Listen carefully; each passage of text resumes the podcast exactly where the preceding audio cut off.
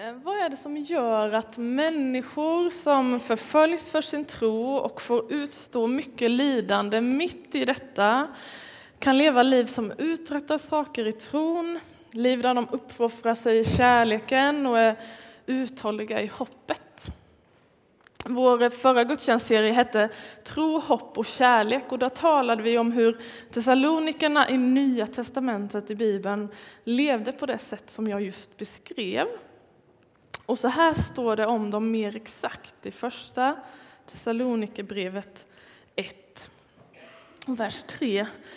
Ehm, ni får se om ni kan hitta Thessalonikerbrevet i era biblar. Själv har jag hela den förra gudstjänstserien tänkt att någon nog har klippt ut Thessalonikerbrevet just hos mig. För jag bläddrar, det är någonstans vid Timoteus och så bläddrar jag fram och tillbaka och så hittar jag inte det. Men nu har jag lagt ett snöre här så jag fuskar lite så jag hittar. Första Thessalonikerbrevet 1 och 3 så står det Ty vi tänker på vad ni uträttar i tron, hur ni uppoffrar er i kärleken och hur ni håller ut i hoppet till vår Herre Jesus Kristus inför Gud, vår Fader. Alltså vad är det som gör att de här kan leva så här fast att de utstår förföljelse och lidande? Och, alltså, hur kan man hålla tron så levande ut utan att utstå det här?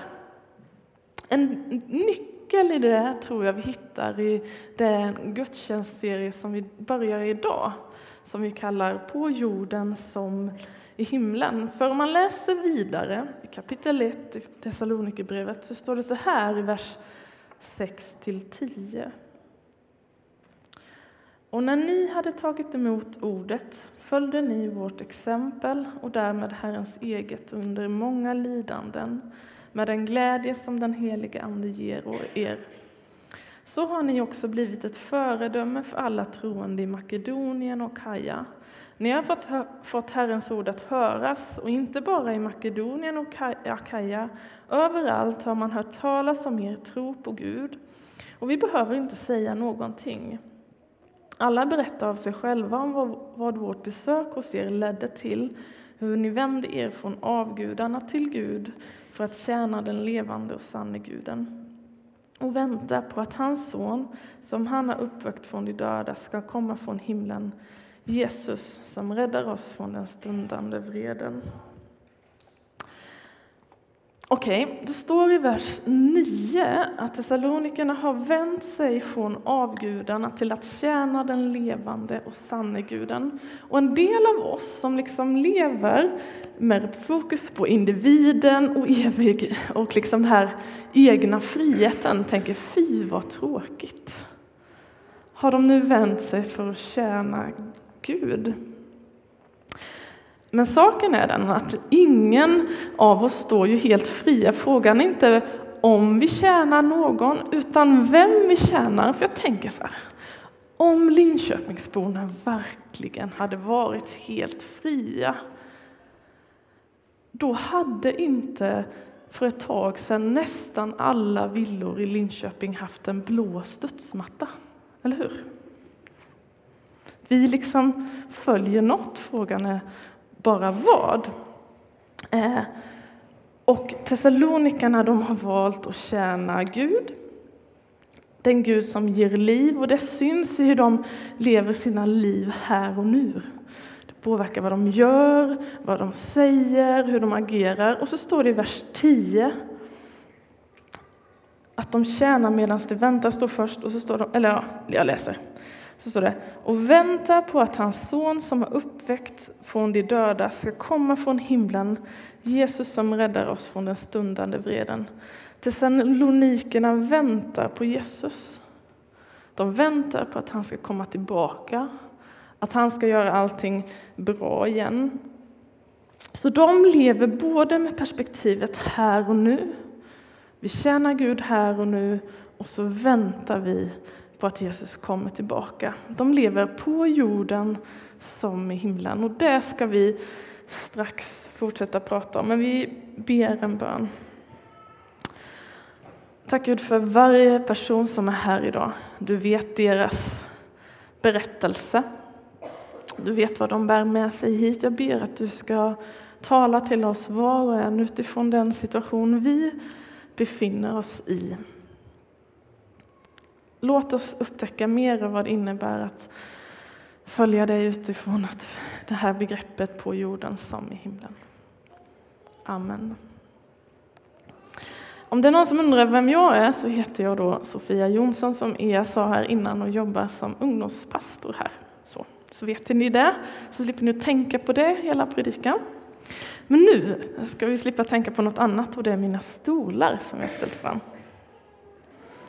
Eh, det står tre stycken stolar här framme som jag tänkte pröva att sätta mig på. På den första står det jorden, på den andra står det på jorden som i himlen och på den tredje så står det himlen. Eh,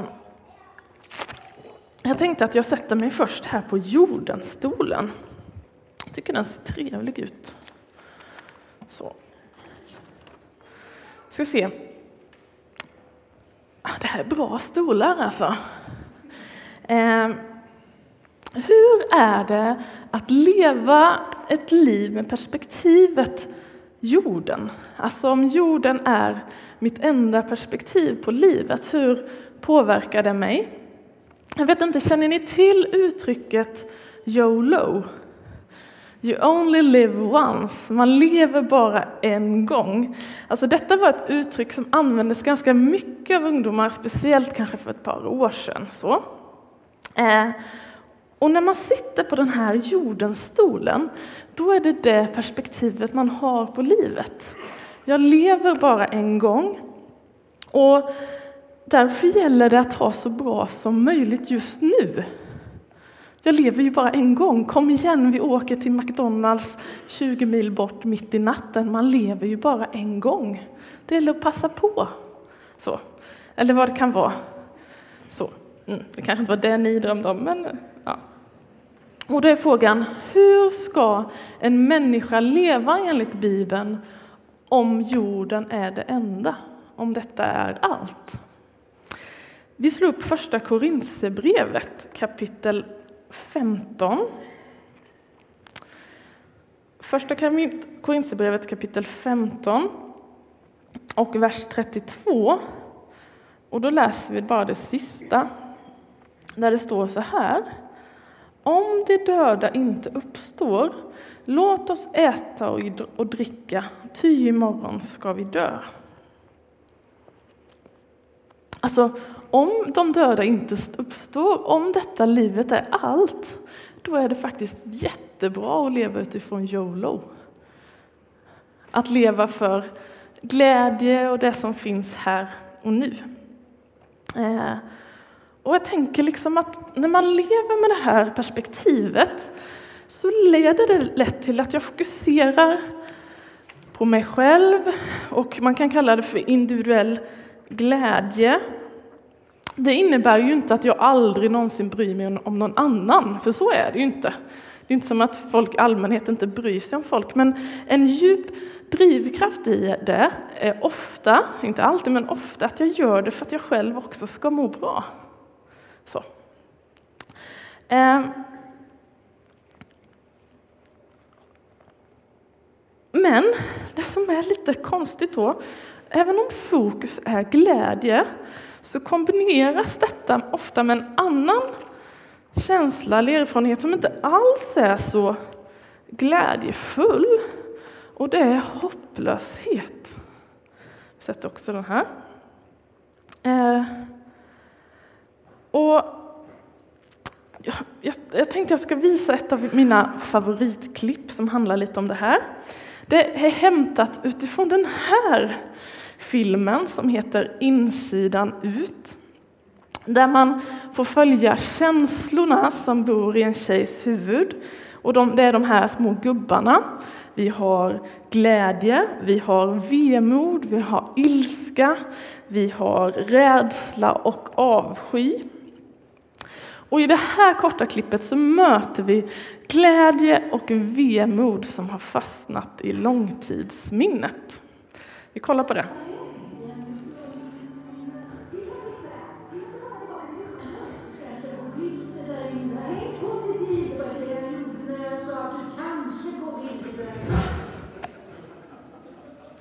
Tänk positivt, säger glädje. Och vemod säger, det var det jag gjorde när jag sa att du kanske går vilse. Alltså i en tidigare översättning sa hon, det, det var det jag gjorde när jag sa att du kanske kommer dö här inne. Alltså, jag känner mig så ofta, jag känner så ofta igen mig i vemod. När jag möter motgångar så skulle jag bara vilja liksom lägga mig ner och bara ligga kvar där en liten hög. För det som händer i den här filmen är ju att glädje som är så hurtig får liksom släpa vemod bakom sig i korridoren. Hon bara går ditåt. Det är det de håller på med hela filmen, släpas vemod runt så här. Eh. Och jag tänker just här att många i vår tid lever med glädje men också den ständigt närvarande hopplösheten, vemodet. Man lever liksom med en känsla av att världen är riktigt illa. Det går inte att påverka krigen i världen, klimatförändringarna eller vad det kan vara. Och, och hos många, precis som hos vemod, så leder det till handlingsförlamning. Alltså vi lägger oss bara ner. Så om mitt enda fokus är jorden så skulle det kunna leda till fokus på glädje men också en känsla av hopplöshet och vemod. Jag försöker liksom trycka undan andra, för det går ändå inte att påverka. Jag får leva här och nu, för jag kan inte påverka det som kommer. Okej, okay. låt oss gå till andra sidan. Himlen, det kanske är bättre här. Vi ska se. Vad händer om man lever med bara fokus på himlen? På att Jesus kommer tillbaka, en dag kommer Jesus tillbaka för att göra allting bra igen. Vad händer om man lever med bara det här perspektivet? Alltså, min första tanke är ju tröst. Alltså, jag tänker att hoppet om himlen har gett många människor tröst. Och längre fram i Thessalon, första Thessalonikerbrevet kapitel 4 och vers 13 så står det så här. Bröder, vi vill att ni ska veta hur det går med dem som avlider så att ni inte behöver sörja som de andra, de som inte har något hopp. Alltså hoppet om himlen gör att vi inte behöver sörja som andra, detta är liksom inte allt. Det finns ett liv efter detta och en dag kommer Jesus tillbaka för att göra allting bra igen. Och jag tänker att jag på den här stolen då kan sätta en liknande lapp som där borta på jorden, men jag har valt att kalla den för tröst och glädje. Hoppet om himlen ger oss tröst. Det ger oss glädje. Ehm. Men så kan man tänka så här, vad kan det mer leda till om, om himlen är liksom allt som får mitt fokus, som, det är allt som slukar mitt liv? Alltså det kan faktiskt, det här är ju lite konstigt, men det kan faktiskt leda till precis samma ord som vi hittar på jordenstolen. Eh, och vi, jag tänker börja sätta upp här, handlingsförlamning sätter jag upp här. Eh, för om man bara fokuserar på himlen så kan man tänka, jag behöver inte göra någonting här och nu, för Jesus kommer ändå en dag tillbaka för att göra allting bra igen. Det är liksom inte förrän i himlen som det kan bli någon förändring. Och jag får helt enkelt sitta här mitt i skiten och vänta på Jesus. Så hoppet om himlen kan ge en kombinerad känsla av tröst och glädje men också handlingsförlamning och, och hopplöshet. För hopplösheten kan nämligen väckas utifrån känslan att jag kan inte liksom göra något åt min situation just här och nu. Jag kan få någon tröst om att det blir bättre sen, men jag, det är ganska många år eventuellt som jag har kvar att leva.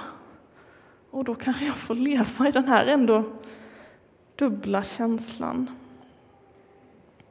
Jag tycker vi sätter oss på den här stolen och ser om det går bättre. På jorden som i himlen tänker jag var det synsätt som Thessalonikerna levde med. De tjänade medan de väntade och de väntade medan de tjänade. Och jag tror att det var deras fokus på jorden, liksom. på här och nu, här, kombinerat med himlen. Att Jesus en dag kommer tillbaka som gjorde att de kunde uträtta saker i tron, att de kunde uppoffra sig i kärleken och vara uthålliga i hoppet. För grejen är att när man lever med båda perspektiven, då blir man inte handlingsförlamad. Utan det ger en kraft. För den som vet att detta livet är inte allt, är också den som kan leva för någon annan. Alltså jag behöver inte ha allt, jag behöver inte se allt, jag behöver inte vara med om allt, för detta livet är inte allt och då blir jag fri. Alltså jag kan få leva mitt liv för någon annan än för mig själv, jag kan tjäna Gud, jag kan tjäna mig andra. Men det är också den som inte bara fokuserar på himlen, utan också livet här och nu. Det är bara den som kan påverkar den värld vi nu lever i. Det är den som inser att den här världen är viktig. Och jag tänker att den som lever med båda de här perspektiven här och nu och som väntar på himlen att Jesus ska komma tillbaka och göra allt rätt, den kan också liksom ha en tro att det jag gör här och nu, det gör skillnad. Det jag gör gör skillnad här och nu. För en, det här kommer Jesus liksom använda. Alltså det finns i det här att Jesus kommer tillbaka, att han gör rätt i, kommer att göra världen rätt. Och det är jag en del av här och nu. Jag är med och tar ner himlen här och nu.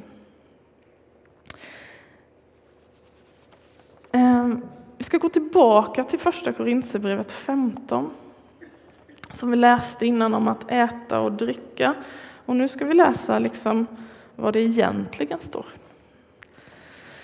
Kapitel 15, vers 32 till 34 säger Paulus så här. Om jag bara hade tänkt på människors sätt när jag kämpade mot vilddjuren i Efesos, vad hade det då tjänat till? Om de döda inte uppstår, låt oss äta och dricka, ty imorgon ska vi dö. Låt inte bedra er, av dåligt sällskap blir den bäste snart förstörd. Nyktra till på allvar och synda inte mer. Det finns ju några som inte vill veta något om Gud, det säger jag till er skam. Alltså, låt inte bedra er, nyktra till, se klart, detta livet är inte allt. Det finns mer. Annars hade det inte funnits någon poäng i att Paulus fick lida i Efesos. Alltså om, om detta livet är allt så fanns det ingen poäng för Thessalonikerna att lida för sin tro. Och då kunde de lika väl bara fortsätta att liksom äta och dricka. Och jag tänker också så att om detta livet bara är allt, då finns det liksom inte någon jättepoäng med att våra vänner blir kristna som förföljs för sin tro, som dödas för sin tro, som får fly. Men nu har Jesus uppstått. Det finns ett liv efter detta. En dag kommer Jesus tillbaka för att göra allt bra igen. Och då kan man tänka, ska vi då bara sätta oss ner och vänta på att Jesus kommer tillbaka?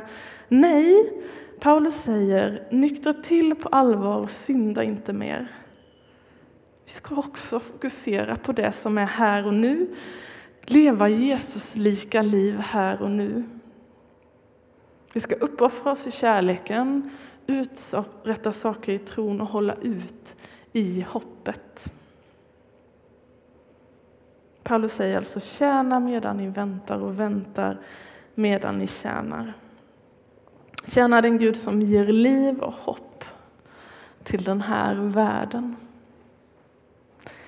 Vi ber en bön. Tack Jesus för att vi får hoppas på dig. Tro att du en dag kommer tillbaka för att göra den här världen rätt igen. Men tack också för att vi inte behöver liksom bara sätta oss ner här och få någon slags hopplöshet över våra liv, utan vi får lita på att du verkar genom oss här och nu. Att det vi gör här och nu gör skillnad. Tack för att du vill använda oss. Tack för att du vill ge oss hopp och att, att liksom hjälpa oss att leva med båda de här perspektiven så att vi kan följa dig mer. Det ber jag om i ditt namn. Amen.